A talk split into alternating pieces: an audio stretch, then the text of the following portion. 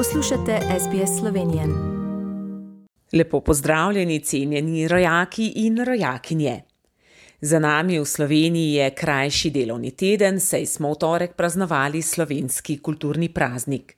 Otrokom je ministrica za šolstvo podarila prost ponedeljek, tako da je bil teden res znatno krajši kot sicer, se je večina staršev vzela dopust in izkoristila lepo sončno zimsko vreme za podaljšan konec tedna in s tem tudi za ugodno smuko ali druge počitniške aktivnosti. Ob vsem tem pa smo nizali tudi druge dogodke. Veliko pozornosti je te dni usmerjene tudi v Peking na zimske olimpijske igre, kjer Slovenci pridno pobirajo kolajne. Olimpijske igre so doslej k ekranom v zgodnjih jutranjih urah privabile vse ljubitele zimskih športov, kar Slovenci tudi pregovorno smo. V zadnjem tednu smo se razveselili kar petih olimpijskih odličij, dve zlati so si priskakali smučarski skakalci in skakalke, Urša Bogataj posamično, skupaj z Niko Križnar, Petrom Prevcem in Timijem Zajcem, prav tako zlato, srebrno deskar na snegu Tim Mastnak, deskarka Gloria Kotnik je osvojila bron, z olimpijskim bronom se je okitila tudi skakalka Nika Križnar. Olimpijskih iger še ni konec in prav lahko Slovenci iz Pekinga odnesejo še kako medaljo. Poleg euforije v domačih krajih slovenskih olimpijcev pa smo v tem tednu množično koristili tudi praznični začetek tedna in polnili smočišča in druge turistične destinacije.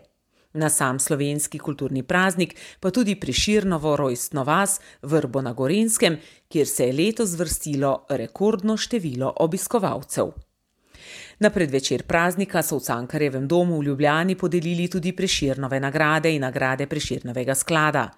Preširnovo nagrado za življensko delo sta letos prejela klasični filolog in prevajalec Kajetan Gantar ter muzikolog in dirigent Mirko Cuderman. Nagrado Preširnovega sklada leta 2022 pa so prejeli otroška pesnica in pisateljica Anja Štefan, dramska igralka Jete Ostan Vejrup, skladatelj Damjan Močnik, sopranistka Andreja Zakonšek Krt, slikar Dušan Kirbiš ter režiserka in avtorica animiranih filmov Špela Čadež. Če že ne v svetovnem vrhu, pa smo na prvem mestu v Evropi po najboljših turističnih destinacijah. Turistična spletna stran European Best Destinations je za najboljšo počitniško destinacijo leta 2022 izbrala slovensko prestolnico Ljubljano, zakladnico vznemirljivih skrivnosti in naravnih danosti.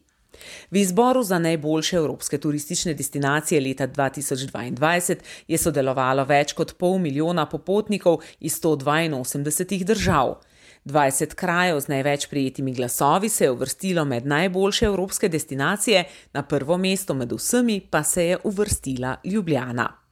V krajih sosednjih držav je 11. mesto osvojila obala Amalfi v Italiji, na 13. mestu je prestolnica Rim, na 17. mestu je avstrijska prestolnica Dunaj, na 19. mestu pa avstrijsko mesto Gradec.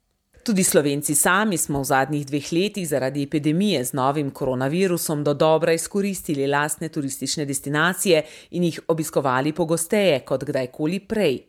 Epidemija nam še vedno kroji vsak dan. Prav pretekli konec tedna je, kot danes pravijo epidemiologi, peti val koronavirusa z omikronom dosegel vrhunec. Po rekordnih številkah in 18 tisoč okuženimi na dan pretekli konec tedna je tedni številka padla pod 7 tisoč, kar daje obet, da bo kmalo mogoče sprostiti tudi nekatere stroge ukrepe.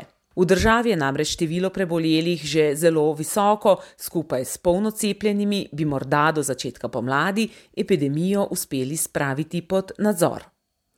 Gotovo pa bodo vse nekatere omejitve še ustrajale tudi do aprilskih državno-zborskih volitev.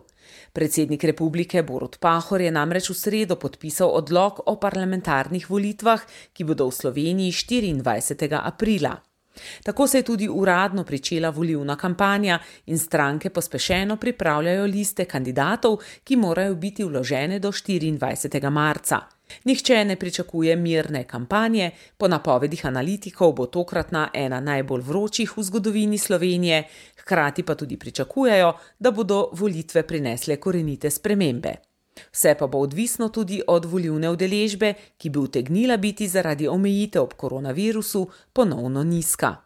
Odgovorni na državni volivni komisiji sicer zagotavljajo, da bodo imeli možnost izbire svojih kandidatov na volitvah tudi izolirani, okuženi in vsi v karanteni.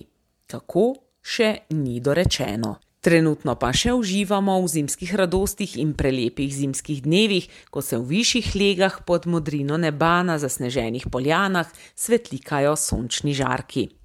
Polno slednjih pošiljam tudi vam, spoštovani poslušalci, cenjene poslušalke.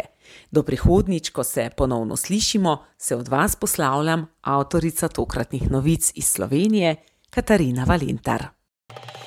Želite slišati sorodne zgodbe? Prisluhnite jim preko Apple ali Google podcasta, preko aplikacije Spotify ali kjerkoli drugje.